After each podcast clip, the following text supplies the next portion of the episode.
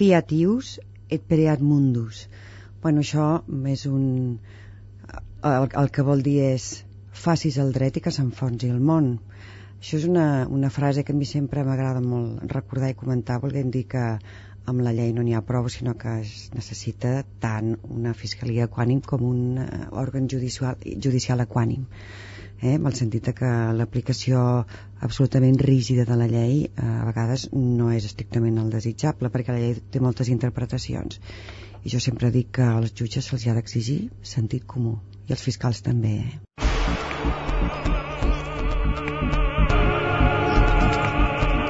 L'Hora de Plutó amb Núria Ribot. Fa poc més d'un any, Teresa Comte era nomenada fiscal en cap del Tribunal Superior de Justícia de Catalunya. Al gener, amb la reforma de la llei de l'Estatut Orgànic del Ministeri Fiscal, s'ha convertit en la primera fiscal superior de Catalunya. Això li planteja reptes nous que s'afegeixen als altres antics, com ara, per exemple, el dèficit de fiscals que tenim. Avui conversarem a l'hora de Plutó amb ella, amb Teresa Comte, fiscal superior de Catalunya. Molt bona tarda. Bona Benvinguda. tarda.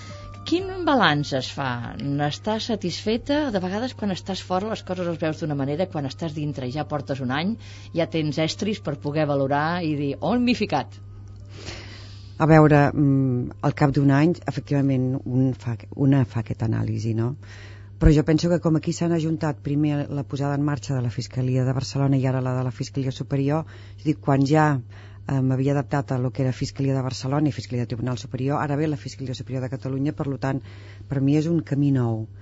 Uh, sí, penso que és un repte important, però que també dona una perspectiva de la justícia també diferent. I crec que, um, afortunadament, he après a posar límits uh, personals, en el sentit de que crec que um, per actuar amb el que dèiem amb equanimitat sense deixar-se portar doncs, per situacions de manera molt precipitada també és un aprenentatge. Eh, és un camí diferent. Deu ser difícil, no, això de posar límits personals? Sí. perquè quan una feina t'entusiasma, t'agrada veus com està el panorama escoltes les queixes, bueno, també els elogis de la gent, però majoritàriament en el món de la justícia són queixes, la veritat és que a un li deu tocar molt tot cada dia, no, aquesta feina? La passió no, no, no es perd eh? a mi sempre eh, potser m'han retret que sóc molt voluntarista o que molt apassionada, no es perd el que passa és que es, té una altra perspectiva en el sentit de, de, de pensar que les qüestions que van sorgint dia a dia moltes vegades són estructurals, que s'han de resoldre i que no val la pena desanimar-se perquè el dia següent n'esperen més de problemes llavors, bueno, eh, també veig que moltes vegades qüestions i això els periodistes també en sabeu molt que sembla que siguin les més transcendentals amb una perspectiva al cap de dos dies doncs prenen la seva mesura justa no? Uh -huh. jo recordo quan va haver-hi aquell cas um, d'aquell enfrontament als ferrocarrils de Catalunya aquell video amb aquella nena les patades del noi, etc unes declaracions seves que deia si la gent veiés totes les imatges del que passa al nostre mm. voltant se'n faria creus, no? Sí, és tan terrible com vivim i potser només veiem aquests titulars de la premsa que aquell cas la veritat és que no sé si en van fer un gran massa o què però ens va tocar molt a tots molt, jo penso que eh, jo crec que va ser bo que toqués molt a tots perquè es va plantejar una situació amb la qual hi ha unes agressions eh, que jo penso que són intolerables. També és cert que amb, amb aquesta situació mm, va haver-hi una sèrie de qüestions processals.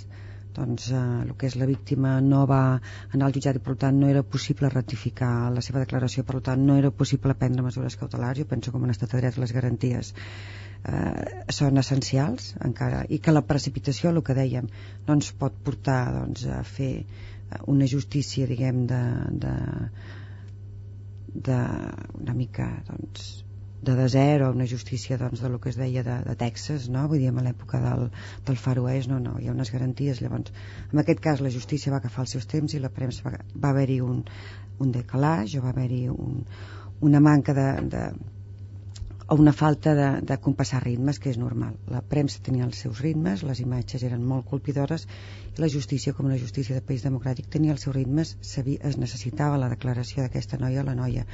Mm, no es va tenir, per tant, les mesures cautelars eren molt difícils, perquè les imatges de per si, per si mateixes eh, no permetien adoptar cap mesura cautelar. Eren molt clares, no, aquelles imatges? Permetien un judici, però no mesura cautelar, que és la diferència. O sigui, aquestes imatges permetien anar a judici, però no abans de judici fer una mesura cautelar com podia ser la de la presó. Per tant, en aquell moment el que es tractava era veure si sense judici s'adoptaven mesures cautelars, parlem de presó provisional, i sense la veu, perquè aquelles imatges no hi havia la veu, i per tant era, era imprescindible sentir la veu per saber si hi havia expressions xenòfobes, perquè sense aquestes expressions no era possible aplicar el delicte i per tant no es podia prendre presó mm, o adoptar una mesura de presó provisional. I tampoc es tenia la declaració de la nega tampoc sabia, se sabia si hi havia hagut lesions. I per tant en aquell moment la justícia estava debatent les mesures cautelars i la premsa ho va enfocar com si allò ja fos el judici el judici tindrà lloc en el seu moment i després amb la compareixença de la noia tot, doncs ja s'han situat les coses al seu lloc. És veritat que els mitjans de comunicació moltes vegades prenem aquestes postures i és el que es diu, comenceu a fer el judici vosaltres abans que la, la, la justícia, sí, no ens precipitem. Sí, sí, sí, sí. Una qüestió, quan va ser nomenada va dir que el seu focus serien els febles no? de la societat, la gent més febles. Ha identificat ja aquests sectors? Qui és la gent més feble a la nostra societat, aquí a Catalunya? Home, jo penso que des de la meva perspectiva la víctima. Jo crec que el nostre sistema judicial ha oblidat sistemàticament, o de, bueno, sistemàticament ha oblidat bastant a la víctima. És un, és un sistema, mm, tant el dret penal com les lleis processals, com les lleis orgàniques, eh? Jo penso que és un sistema que, mm, segurament per la llei del pèndol, en una etapa que eh, l'imputat era una persona feble davant d'un règim dictatorial, doncs es va posar molt el pes a l'hora de recuperació de les llibertats en la defensa de l'imputat i es va oblidar molt a la víctima del delicte. Jo penso que hem estat 20 o 30 anys oblidant-nos de les víctimes del delicte. Les víctimes del delicte siguin dones agredides, eh, maltractades, siguin dones agredides sexualment, siguin nens, sigui gent gran que per tenir renta antiga doncs és objecte de moving siguin comerciants que són objecte bastantes vegades i de manera sistemàtica de furs o multireincidència eh, siguin comerciants que són objecte o gent que viu en casa i són objecte d'assetjaments eh, violents per tant jo penso que els febles eh, és la víctima que se li ha de donar veu jo crec que durant molts anys no se li ha donat veu i que en aquests moments se li està començant a donar veu eh? jo penso que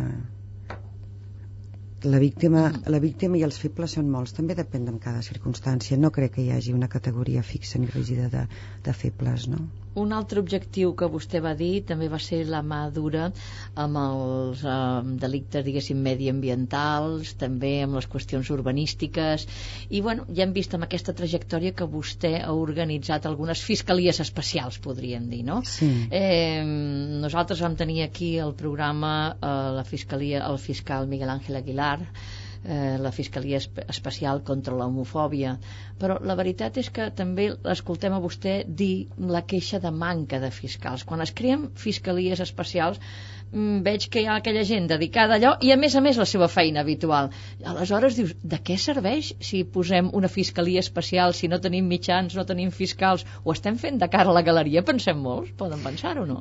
Jo penso que ho estem fent amb un voluntarisme tremendo eh? d'això em queixo. Vull dir que les coses que crec que haurien de funcionar és en base a un voluntarisme de la gent. Eh, en aquest sentit per exemple el fiscal antimòbil eh, també ho fa de manera absolutament voluntària fent els de més eh, serveis.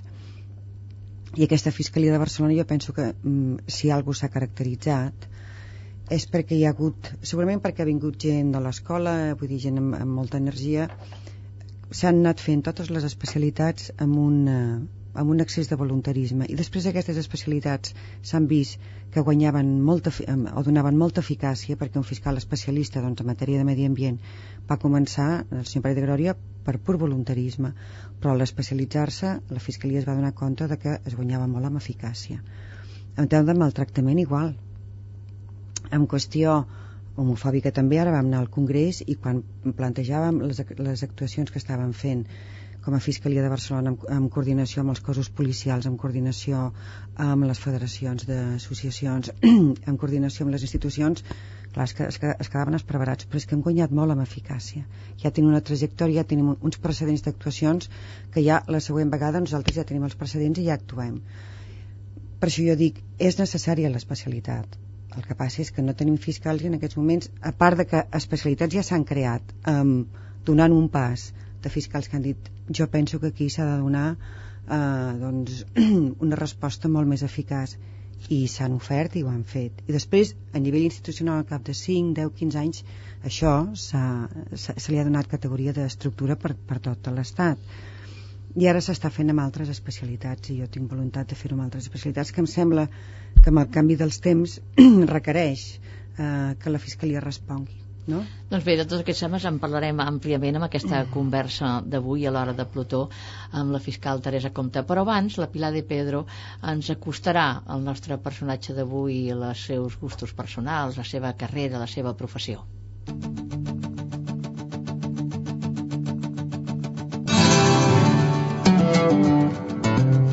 Teresa Conte va néixer el 1954 a Cartagena. El seu pare, que era professor, l'havien destinat allà. Hi va viure dos anys, fins que van tornar a l'Empordà, d'on és la seva família paterna. La família materna és de la Selva. La nostra convidada diu que aquests dos territoris han estat i són els seus referents. A la seva família ningú no s'ha dedicat al món del dret. Quan era estudiant, ella recorda haver dubtat entre estudiar biologia i veterinària, però al final es va decidir pel dret. El marge que li agradava li permetia conèixer Barcelona i tenir amics que s'hi havien matriculat. De l'època universitària recorda especialment els professors Manuel Sacristan i Jordi Soletura. Teresa Conte va ingressar a la carrera fiscal al 1982 i José María Mena va dirigir la seva preparació per a l'examen d'oposicions. La nostra convidada, que és membre de la Unió Progressista de Fiscals, va ser una de les primeres dones que va accedir a la Fiscalia de Barcelona. Dins del departament, amb els últims anys s'ha encarregat de l'organització dels processos amb jurat i els recursos davant el Tribunal Suprem. Al maig del 2007, Teresa Conte va ser nomenada fiscal en cap del Tribunal Superior de Justícia de Catalunya i a començaments d'aquest any, amb la reforma de la llei de l'Estatut Orgànic del Ministeri Fiscal, s'ha convertit en fiscal superior de Catalunya. Quan no treballa, a la nostra convidada, que és sagitari, li agrada molt fer senderisme, l'estudi de les plantes i cantar. Diu que això del cant li ve de família. Àvia, mare, pare, cosins, tiets... Quan fan reunions familiars, tots a cantar. Acompanyats d'acordió, flauta... A Teresa Conte li interessa molt la música, sobretot la música d'arrel. Han demanat a la nostra convidada que ens recomani algun llibre que l'hagi enganxat últimament, algun que pugui ser una bona lectura per l'estiu. I diu que no ens perdem l'última trobada de l'escriptor hongarès Sandor Marai. Ella s'hi pot dedicar una part de les vacances d'estiu a fer un viatge. Li agraden molt el Brasil i Centroamèrica. La resta ho passa a l'Empordà. Sent així, està clar que li havien de demanar que ens recomani una ruta per fer-hi senderisme. Diu que una possibilitat és Sant Pere de Roda, Sant Salvador, Coll del Mosquit, Port dels Carals i els Fumats. En prenem molt bona nota. Teresa Comte, parlem, comencem parlant dels delictes sexuals perquè realment són els que aixequen més alarma social i més enrenou. Per exemple, aquesta setmana veiem als diaris no, l'inici del judici contra nan i sex, no?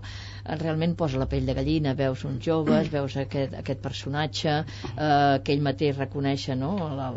l'abús perquè diuen abús o violació, que aquesta és una altra cosa que també amb nanos petits, d'un o dos anyets ell admès, diu que també estaria disposat a la castració química. Bé, mm, la veritat és que no és l'únic cas, és un cas, evidentment, que en parlarem aquests dies, no és l'únic cas, però això aixeca molt de, molta alarma social, també quan la, la posada en llibertat del segon violador de l'Eixample, no? Qui van a, eh, a haver-hi el gran debat sobre estar rehabilitat, no estar rehabilitat com s'enfoca tot això? Perquè la percepció del ciutadà és una i, evidentment, la llei i des del món de la justícia és una altra. Però tots estem preocupats. Bé, jo penso que fins ara és un tema que era molt difícil parlar-ne. Eh? Jo l'experiència que tinc és que quan es plantejàvem, doncs, una sèrie de gent plantejàvem eh, la revisió d'aquest postulat segons el qual un cop complert sentència i amb, un, amb una sentència fins ara molt limitada d'anys doncs no havia passat res doncs, que s'havia de revisar perquè era cert que hi havia gent que s'havia reinsertat però hi havia gent amb delictes molt greus estic parlant d'assassinats o d'agressions sexuals que no, tant respecte a adults com tot respecte a nens que no s'havia rehabilitat i per tant era necessari iniciar un debat iniciar el debat, eh? vull dir, sense postures prèvies i sense, a vegades penso que a vegades pot haver-hi una sèrie de prejudicis d'uns principis eh, d'uns anys determinats i que d'aquí no, hi ha, no hi ha ningú que es mogui no? Jo crec que els últims aconteixements han posat sobre la taula aquests temes. hi ha, de vegades hi ha reinserció rehabilitació, però de vegades són els, són, no són molts casos, però hi ha uns casos que no hi ha hagut rehabilitació i estem parlant d'agressors en sèrie amb delictes molt greus. Per tant, jo penso que era necessari eh, posar sobre la taula aquesta qüestió i parlar si hi ha alguna possibilitat d'actuar. El que s'ha vist arrel de la, de, dels casos que es van produir aquí a Catalunya es va crear la comissió, la Fiscalia conjuntament amb el Departament de Justícia i és a veure que amb l'entorn europeu aquest era un tema que vull dir s'havia abordat, s'havia debatut i s'havien pres diferents mesures. I per tant vull dir que ja era hora de trencar uns paradigmes de mm, bueno, que jo a vegades penso que amb la, amb la més bona fe del món doncs a vegades no són els adequats jo moltes vegades em recordo també quan van plantejar el tema de la possibilitat d'agressió sexual als homes i de que la penetració anal i la penetració vocal fa bastants anys fos delicte, doncs jo me recordo una mica l'escàndol que va haver-hi, inclús per part de gent mm, dita molt progressista, no? dient que, bueno, vull dir que això era un histerisme eh, i que a més el tema de la maternitat i jo amb, amb la comissió de dones del col·legi d'abogats doncs deien, bueno, doncs, per si això és obvi no? doncs va haver-hi molt debat però no també, per, penso per una rigidesa amb determinades postures que també jo els havia, vaig veure en el moment ara de, de sortida d'aquestes dues persones si vostè repassa la maroteca veurà algunes declaracions i algunes institucionals de categoria diguem de que, bueno, de que el que plantejava la fiscalia era poc menys que vull dir que pecat no? Bueno, jo crec que, que som una societat madura i que les coses s'han de parlar. I que un estat democràtic eh, vull dir, no pel fet de revisar aquestes situacions deixa de ser menys democràtic. I nosaltres no podem donar lliçons de democràcia ni a Itàlia ni a Alemanya i allà és un tema que s'ha resolt. Estic convençuda que en aquests casos eh, a la pena, vull dir, va haver una pena accessòria de llibertat vigilada, de vigilància telemàtica eh, bueno, la maldita castració química, jo diria teràpia hormonal reversible, no crec que en molts casos d'aquests per exemple el nanisex no, no estic gens convençuda de que sigui la solució perquè penso que hi ha una qüestió més que de ple sexual de dominació de la persona i per tant aquesta teràpia a part que és absolutament reversible i que un dia se'l pot prendre i llavors és, és com el fumar o no fumar. Vull dir, un dia doncs deixa de prendre i bueno, no crec que sigui estrictament la solució si no va sola, si no va acompanyada d'un tractament terapèutic i a més jo en aquest cas, a part del compliment de la pena de manera proporcional penso que a més de, de la prevenció general i una prevenció especial penso que hem de començar a plantejar les qüestions de vigilància telemàtica és de, per part de l'agressor. Vull dir, el que em, em sembla absurd és que dones maltractades no ens sembli malament que portin vigilància telemàtica i en canvi eh, vull dir, ens espantem de si un agressor sexual eh, reincident ha de portar eh, doncs una vigilància telemàtica, doncs parlem-ne. Sembla que hi ha un excés de, de, de buenismo, no? Dic, que diríem en castellà, a la societat, o de ser políticament correctes, perquè Exacte. recordo quan es plantejava les llistes, no?, de les llistats de les persones que han estat condemnades i, evidentment, també alliberades, perquè si compleixen la sentència, lògicament han d'anar al carrer, no? Però als Estats Units, jo recordo que això sí que es feia inclús en alguns barris o d'alguns estats que demanaven la gent que es posés al barri saber qui tenien vivint si havia estat un violador. Per exemple, sempre sempre delictes de, delictes de tipus sexual, no? Clar, mm, això molta gent eh, és el límit de la llibertat de l'un i de l'altre, etc etc. però com vostè deia, el debat és sobre la taula i es tenen que prendre algunes mesures, perquè si no està rehabilitat i també es diu que la presó ha de ser un procés de rehabilitació, si no es compleix no pot sortir de la presó, o és que això eh, s'ho passen pel forro, per dir-ho d'alguna manera, perquè surten al carrer després d'haver ja comprovat que no estan rehabilitats i en canvi surten. A veure, jo penso que aquí hi ha mm, diverses qüestions. Eh, a veure, jo no sóc partidària de la cadena perpètua, però sí que sóc partidària d'una pena proporcional. En, en, en definitiva, no entenc com amb 15, 20, 25 violacions es poden complir 15 anys de presó. Penso que aquí no estem en termes de proporcionalitat i per tant s'ha de revisar. Dit això, un cop que hagi complert la pena 20, 30, 40 anys la que fixem i la que estigui fixada uh, en aquests moments pensi que per exemple no hi ha un registre unificat per part de jutges, fiscalia i policia En, per tant, penso que hem de tenir un registre unificat de quines persones són, penso que hem de tenir les dades d'ADN d'aquestes persones que estem parlant, hem de tenir fotografies actualitzades i hem de tenir una comunicació molt fluida amb la resta de països europeus, perquè no farem res si aquí tenim molts registres i llavors aquesta persona se'n va a França i delinqueix a França. Uh mhm. -huh. Per tant, comunicació fluida i llavors també mesures de vigilància telemàtica perquè sí que nosaltres hem comprovat en aquests dos casos eh, quan van sortir aquests dos agressors que la Fiscalia va ordenar la seva vigilància que el fet de saber-se vigilats eh, i saber eh, que hi ha un control mm, bueno, limita bastant. Eh, jo desitjaria que aquest control pogués ser de 24 hores, que la llei ho establís clarament i a més en vigilància telemàtica que ells sapiguessin que en qualsevol moment podem saber eh, on han estat perquè llavors en el cas de comissió d'un delicte si tu tens una vigilància telemàtica saps que aquella persona ha estat allà, no tens problemes d'identificació. Per tant jo penso que això seria un factor de contenció extraordinari. Jo penso que és un debat que està a sobre la taula. Això no li, no li eh, penso que no és cap disminució de drets eh, que li permetin de, una, una, una, una llibertat de moviments. En tot cas, una cosa és la llibertat de moviment i l'altra cosa és la llibertat de delinquir, parlem-ne, no? Uh. -huh. El que està clar és que provoca una alarma social i l'alarma social també provoca i és utilitzada pels partits mm. per demanar mà dura. O sigui, dona la impressió que en els últims temps s'ha legislat molt a mà eh, a compte de l'opinió pública, no? Hi ha una reacció majoritària, hi ha a vegades un, un enduriment, canvis en el Codi Penal, vull dir, aquí el, el Codi Penal al nostre país sembla que és molt més fàcil de canviar que en altres països europeus que sembla que tarden més, no? Com si diguéssim, la Constitució aquí que ens, consta, que ens costa tant de poder-la canviar, el codi és molt més fàcil, es va canviant cada dos per tres. No sé si l'opinió pública ha de tenir tanta força, perquè clar, amb l'alarma social sí, però això també desapareix. Quan... Bueno, és que, és que no crec que tingui tanta força, perquè, eh, bueno, jo sempre dic, més que madura, el que necessitem és eficàcia. Per exemple, es van endurir els delictes contra la propietat, però en canvi, per una disfunció processal, resulta que, jo insisteixo molt en això, penso eh, vull dir que, que, que és una disfunció que ens ha portat al fracàs. Som el país on hi ha pràcticament una impunitat amb tot el que es consideren faltes contra la propietat. Impunitat és que és pràcticament absoluta. Per què? I això no passa a cap país europeu. Per això eh, no, això no puc acceptar que ens diguin que som de, de madura. Penso que no, si vostè va a Europa veurà que la legislació és molt més estricta que la nostra.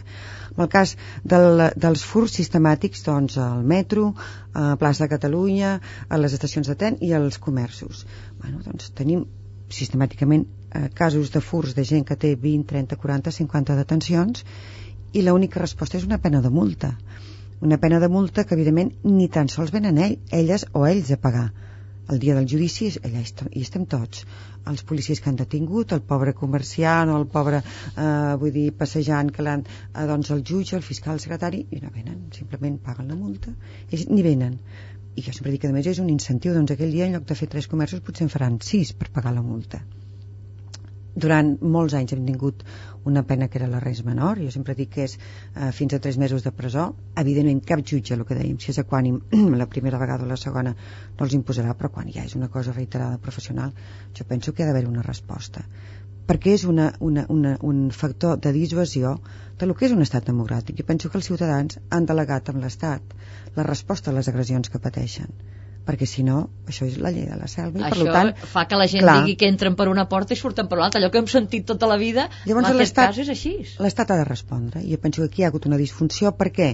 Perquè d'una banda es va dir, bueno, doncs quan hi hagi moltes faltes es podrà acumular i, i pujar la pena, però llavors una llei processal que la va, hauria fer una altra comissió diferent va dir, no, no, les faltes obligatòriament s'enjudicien al cap d'una setmana i per tant no, no pot haver-hi acumulació i, i el resultat pràctic és que amb tota la voluntat per part de la Fiscalia de posar eh, vull dir, límits a aquesta actuació professional sistemàtica que a més fa d'efecte crida perquè evidentment si a Alemanya, si a França, si a Itàlia vull dir, la resposta és una resposta que és la que aquí hi ha hagut fins a l'any 95 no estem parlant d'una un, legislació eh, de l'època anterior. Fins l'any 95 ha sigut una, una legislació que ha estat plenament vigent doncs si, si aquí no s'està donant resposta evidentment està fent un efecte crida i jo crec que el ciutadà té dret a que l'Estat respongui amb un sistema ple de garanties amb un sistema de concepció democràtica però que hi hagi la resposta o si realment resulta que tots els ciutadans i a través d'ells els seus parlamentaris, que són els dipositaris de la sobirania popular, decideixen no, som un país de gent tan extraordinàriament bona que això ho acceptem i incorporem a la nostra vida quotidiana. Doncs parlem-ne. O sigui, a veure, jo, evidentment, com a fiscal aplicaré la llei, però penso que a nivell de Parlament i a nivell de Congrés són lleis que s'han de debatre i el problema s'ha de posar sobre la taula i dir què és el que realment volem com a ciutadans a través dels nostres representants. Seguirem parlant de més qüestions del món de la justícia, però ara escoltem una mica de música. Suposo que això l'ajuda molt, perquè eh, a vostè encarar tota aquesta feina i amb els seus moments, diguéssim, de relax, escoltar música, i per als que ha escollit, realment és curiós, molta música tradicional, folk, inclús explicava la Pilar de Pedro que, bueno, tota la tradició familiar del món de la música, no?, que canten, així que es troben, i em fan una festa, no? Sí, sí, m'ha ajudat molt i sí, a més per mi és un tema molt, molt natural. A vegades, eh, hasta per la fiscalia a vegades canto així i algun, algun company em diu que estàs, nervi... que estàs molt contenta. Dic no, al revés, estic nerviosa però eh, vull dir, m'ajuda. I sí, a nivell familiar la música ha sigut un element molt quotidià.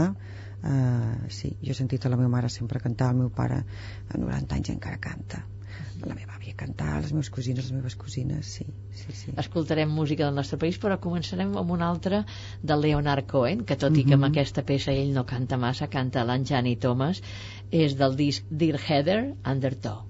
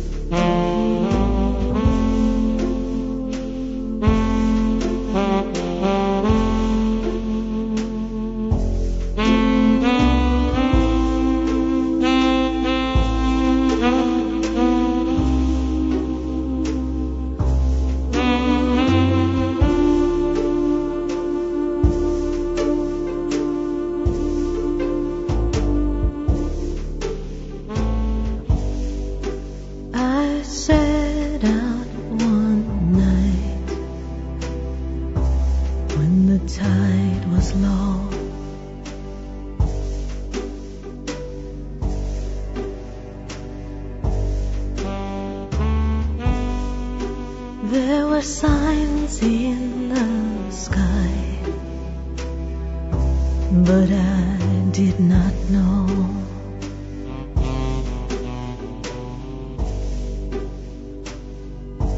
I'd be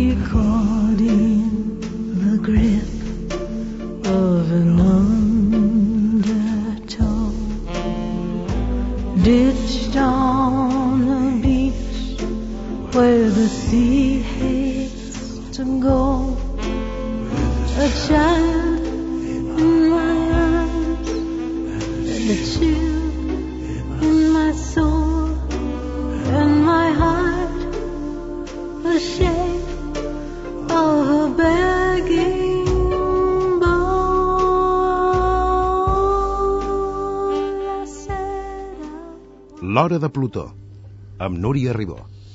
I avui continuem parlant amb la fiscal superior de Catalunya, Teresa Comte. I la veritat és que després d'escoltar aquesta música del... mandra, ens, eh? abaixa, ens abaixa el to de veu i tot, no? Quina meravella. Sí. Doncs mira, el que volia parlar és de la violència de gènere i la veritat és que això sí que t'enerva. T'enerva perquè tenim una llei, eh, cada vegada hi ha més denúncies, sembla que hi ha una conscienciació en els mitjans, a la societat, però van caient com a, com a mosques cada setmana, cada setmana. Què està fallant, senyora Comte? Bueno, a veure, hi ha hagut un increment també pobla- poblacional important, eh? amb el sentit de que, mm, per exemple, a Catalunya hem passat, aviat arribarem als 8 milions. I de sis, són 2 milions més, o sigui, si, si, si pensem els percentatges en població, doncs, bueno, són és, és molt alt l'increment de població i a més nosaltres el que detectem és que més o menys la xifra de eh, gent eh, que, que no són autòctons eh, implicats en tema de violència de gènere ve a ser un 30% per tant, pensem que a més de l'increment poblacional també s'ha vingut amb uns altres costums. Eh, aquí hem tingut uns anys eh, una mica per, per adaptar-nos. Jo recordo que encara a la facultat de dret, quan jo estudiava, vull dir, eh, hi havia aquella, aquella famosa figura del uxoricidio, que era l'home que, vull dir, trobava la seva dona amb un amant si la matèria era pràcticament un eximent o sigui, i encara doncs, eh, la dona havia de, de, de demanar permís al seu marit eh, per fer qualsevol... Parlaven de crims passionals. Sí, sí, però en canvi a la inversa no. A la inversa no. A la inversa no, o sigui, si la dona trobava el seu marit eh, vull dir, amb una altra persona, no hi havia aquest eximent. I no només això, sinó que a més, perquè això jo penso que, que, que és impressionant, sinó que es necessitava el consentiment del marit perquè la dona pogués firmar qualsevol contracte o negoci jurídic. Eh, com li deia, jo me'n recordo que sent fiscal ja quan es va plantejar la, els temes de les agressions sexuals que no fossin exclusivament per la via de procreació sinó altres vies també eh, doncs la, la o la vaginal doncs bueno, una mica el rebombori que va haver-hi, o sigui, jo penso que hem fet una evolució, i encara me'n recordo més quan es va plantejar la possibilitat de la mesura d'allunyament, jo me'n recordo que hi havia bastants jutges a Barcelona perquè jo vivia a nivell jutjat de guàrdia, que plantejaven nosaltres ho fèiem amb la mesura genèrica d'un article 13 que era la protecció de la víctima. Que això era um, inconstitucional perquè com qualsevol persona podia deixar el domicili? I això anava contra l'article 18 el dret al domicili bueno, eh, fins que es va eh, vull dir, aconseguir dir, no, no, hi ha un país que és Puerto Rico que hi ha una llei, vull dir, la llei que, vull dir que es, es preveu la mesura d'allunyament i aquí es va anar adaptant per tant, jo aquesta evolució que a vegades els, els hi exigim en dos anys a la gent de fora aquí he vist que no fa tant temps que nosaltres encara a nivell eh, institucional la resposta que teníem era una resposta molt limitada i molt insuficient i si comparo la situació legal amb què estem ara amb la situació legal de fa 10-15 anys amb el que el parlar de maltractament semblava que fos, la gent que parlava semblava que fossin unes mm, histèriques feministes radicals vull dir, quan es parlava no, i era així jo penso que hem evolucionat molt. Dit això eh, penso que hi ha hagut un increment poblacional per tant, mm, bueno és evident que van havent-hi morts però també és evident que la població va augmentant i és evident que hi haurà un temps d'evolució. Com a tota llei és molt eh, perfeccionable però penso que l'important és donar un pas i llavors corregir i anar caminant i corregint. Hi haurà coses de matisos que es podran corregir però penso que és una llei molt valenta perquè en quant a mesures d'allunyament a l'establir, vull dir, en caràcter general la mesura d'allunyament, aquest és un tema que jo sé que havia costat molt i que no tenia tota l'aquiescència de la gent que uh -huh. treballa. És una llei valenta, com vostè diu, però una llei polèmica, perquè ha passat pel Constitucional, finalment la sentència eh, l'ha deixat com és, per, per, expliquem-ho, perquè realment castiga a l'home de forma diferent pel mateix delicte que la dona. Això hi ha moltes dones que també estan en contra, grups feministes, intel·lectuals, professionals, i jo, per exemple, llegia aquesta setmana no, eh, al Mundo eh, un article del senyor Enrique Gimbernat, catedràtic de dret penal, que deia que és inconstitucional perquè una, un agreujant com el de la violència masclista no ha de pres, pre, presumir-se, no? Vostè creu, està d'acord en que tant per tant l'home ha de ser castigat amb més madura davant del mateix delicte? Bueno, jo penso Quin... que això ja està Han fet una interpretació molt sui generis per això el Constitucional, eh? per poder-ho, perquè clar, aleshores es carreguen aquell article de la Constitució que diu que tots som igual davant de la llei.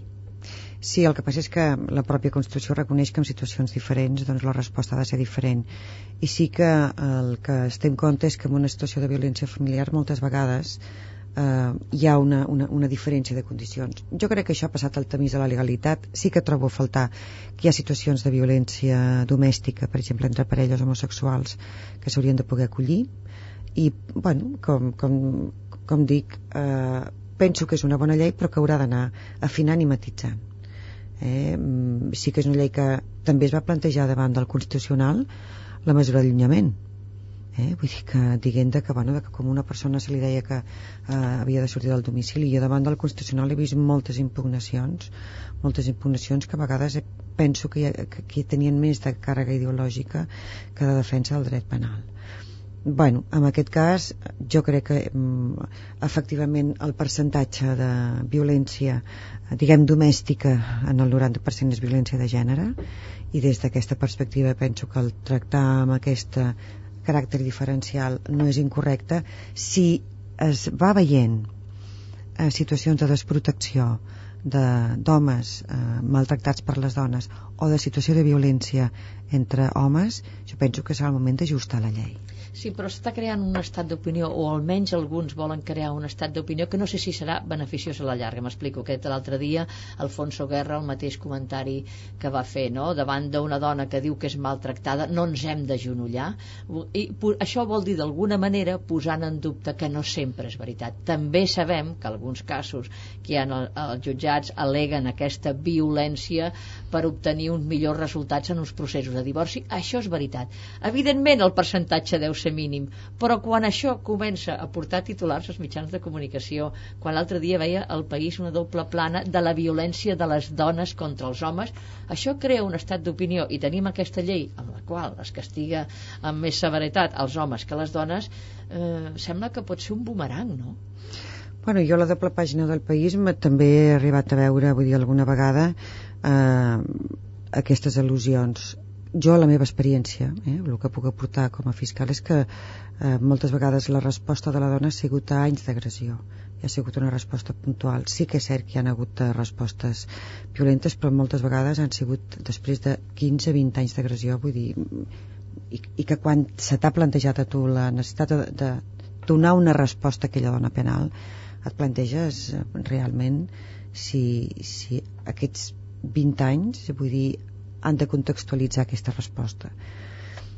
A veure eh, també nosaltres estem veient que a nivell per exemple de cobrament de seguro doncs hi ha determinades persones vull dir, que venen aquí, s'estan aquí i doncs aleguen robatoris eh, per cobrar el seguro.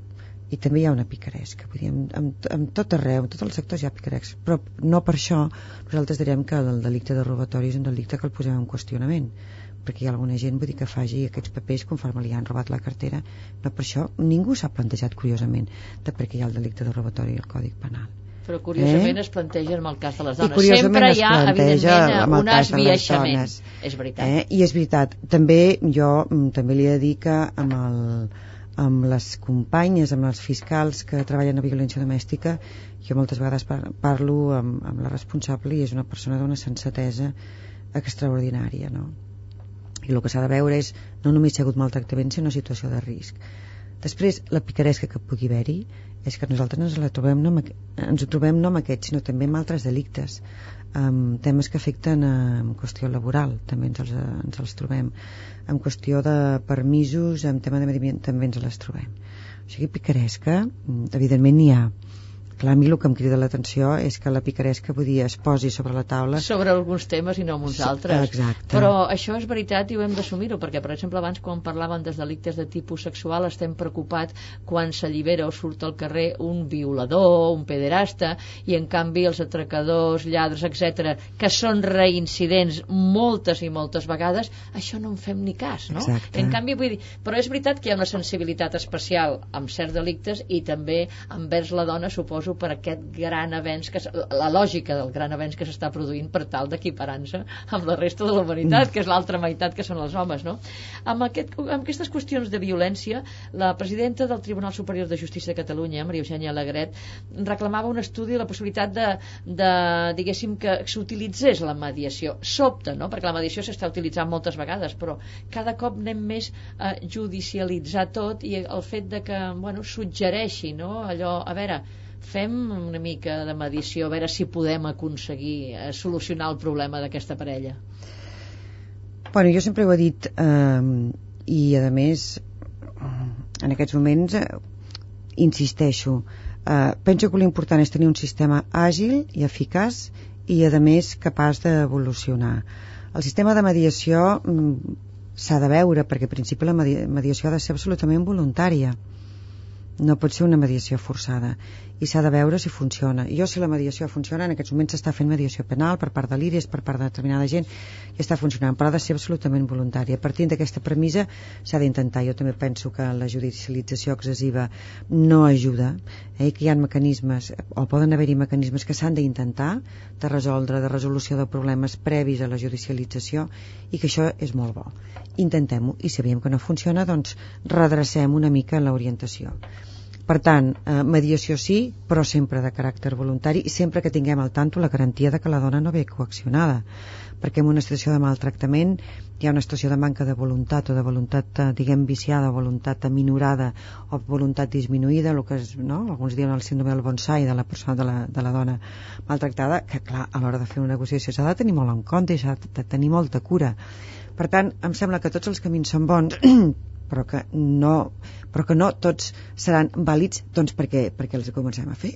Haurem de veure si dona els resultats que esperem i si no dona, tenir la suficient humilitat i agilitat com per anar modificant. Penso que la nostra obligació és donar resposta i anar, anar modificant. El que passa que et vas donant compte quan estem tractant aquests casos tan personals, tot i que evidentment hi ha lleis globals, etc etc, et dones compte que cada cas és cada cas. Exacte. Sí, i aleshores, clar, però quan veus com es col·lapsa la justícia, quan veus aquelles piles de papers, quan veus que una sentència tarda 3, 4 o 5 anys, dius, cada cas és cada cas, però mm, haurem de trobar-hi una solució. Tornem una altra vegada als mitjans, mm -hmm. als diners, als pressupostos, i això és un peix que es mossega la cua. Clar, és que Això ho que... venim dient fa... Jo, des de que faig entrevistes fa 30 anys, em sembla que aquest tema és un tema... mm, Sí, és que penso que no està al dia en quant a mitjans. Penso que hi ha un, és un tema de, estructural pendent, en el sentit de que no s'ha modernitzat. Crec que altres administracions s'han modernitzat, però la justícia no s'ha modernitzat. I en aquest sentit penso que cal revisió dels mitjans materials, del sistema de gestió de personal. Parlem-ne.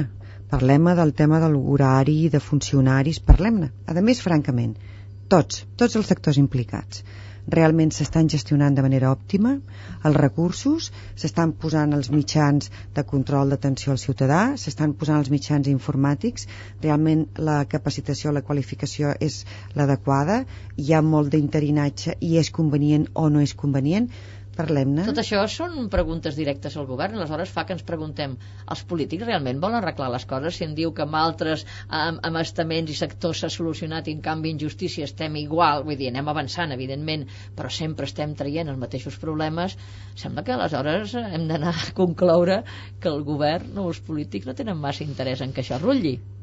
Jo penso que fins ara la justícia ha estat un sector com bastant silenciat amb el sentit de que el que ha sortit als diaris han sigut casos molt puntuals i molt llampants, però en canvi el tema del justiciable, la qüestió de, sobretot de les, de les víctimes i el, el, el transcurs dels anys és un tema amb el que no s'hi ha incidit tant, eh? S'ha incidit amb els casos, diguem, eh, doncs una mica espectaculars, però el que són els temes estructurals de la justícia no crec que hagi sigut un tema de debat mediàtic, com ho està siguent ara amb que les víctimes, jo penso que han pres la paraula, eh? Mhm, Ja era hora. Escoltem música. Molt Escoltem bé. música i del Josep Tero, un personatge que, que, que vostè coneix i que jo també conec i realment és, eh, és d'una música que ens pon de les arrels, no? que, que és la música que li agrada, les arrels, un home molt de l'Empordà. Escollit del disc Camins de tarda si a casa nostra no hi neva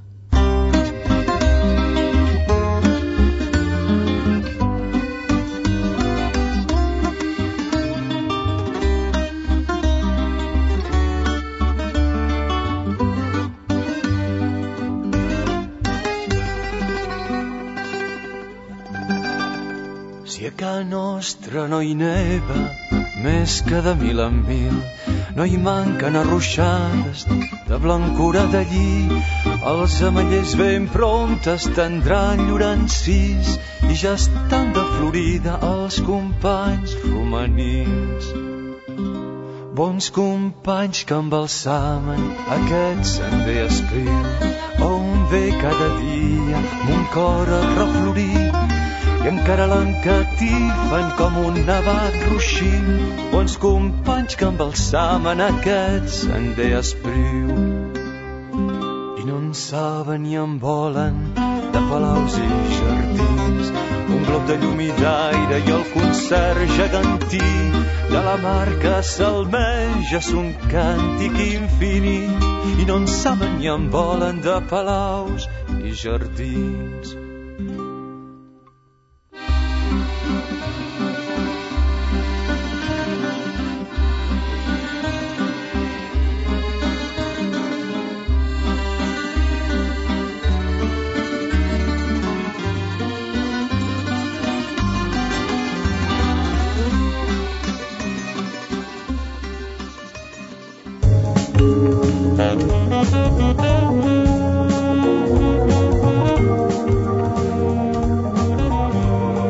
L'Hora de Plutó.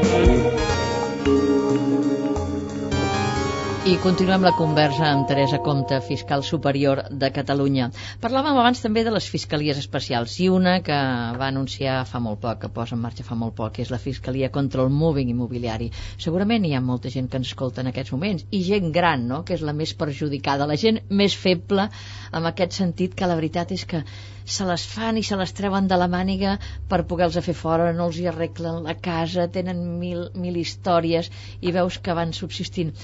A veure, mm, què és el que es farà en aquest sentit? Perquè molta gent d'aquesta gran, que és la més perjudicada, això d'anar a una comissaria i tot això i denunciar se li fa molt complicat. El fet de que hi hagi una fiscalia anti-moving immobiliari, què vol dir?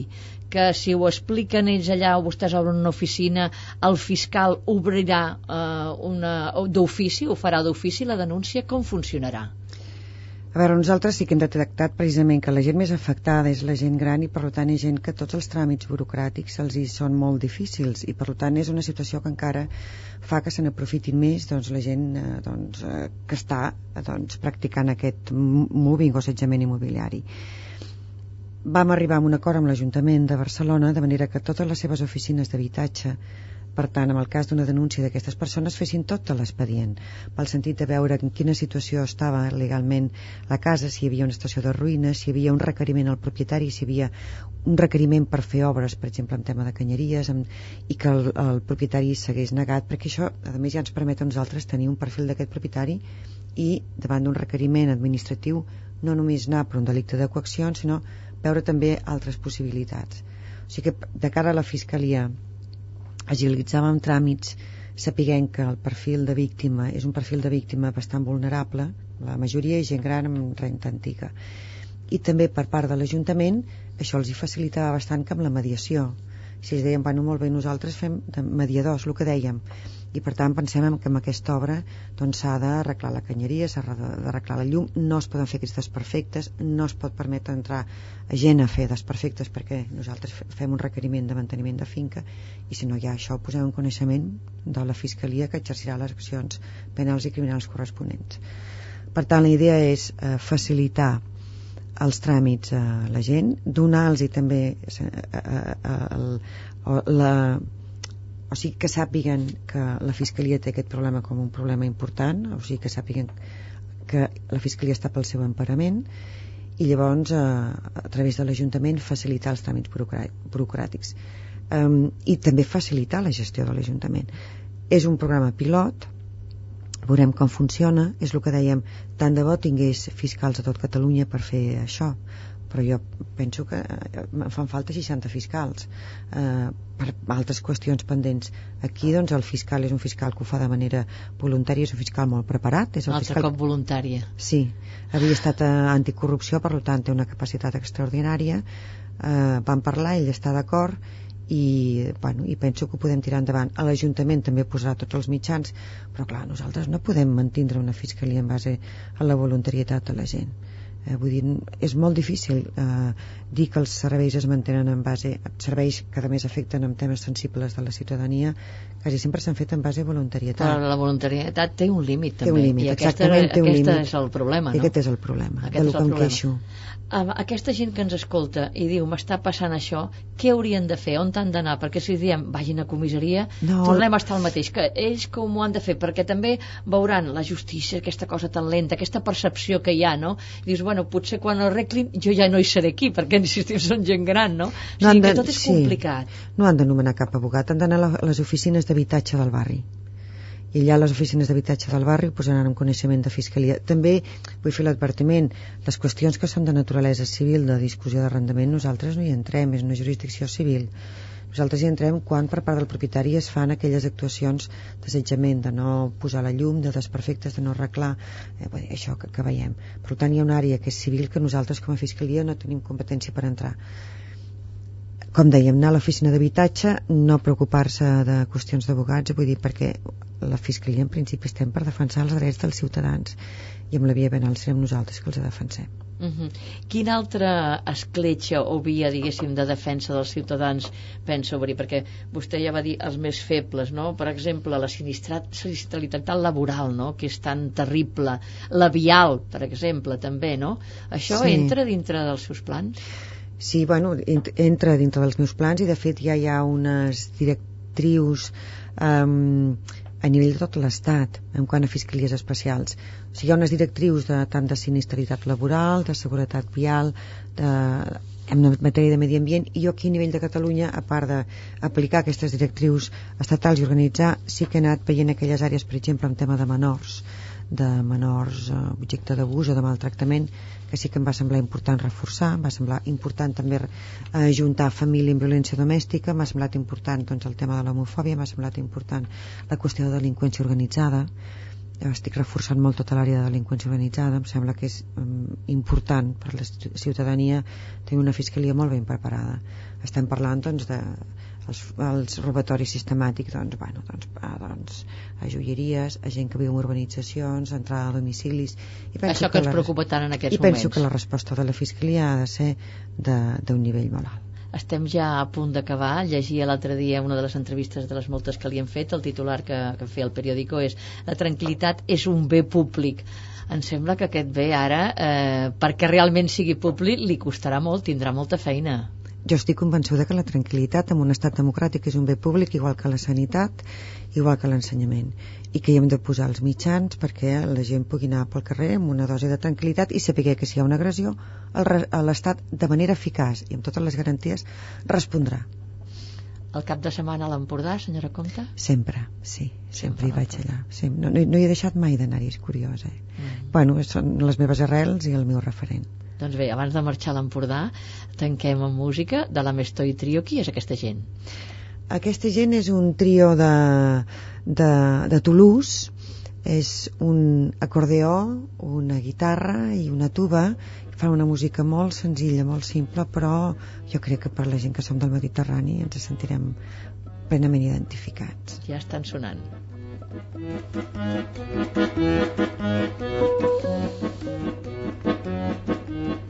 Gràcies, senyora Conta, per estar avui amb nosaltres. Li desitgem eh, una bona feina perquè en té molta per davant i sobretot a veure si poden aparcar aquest voluntarisme i que realment es puguin tirar les coses endavant. Ha estat Moltes un plaer, gràcies. Gràcies.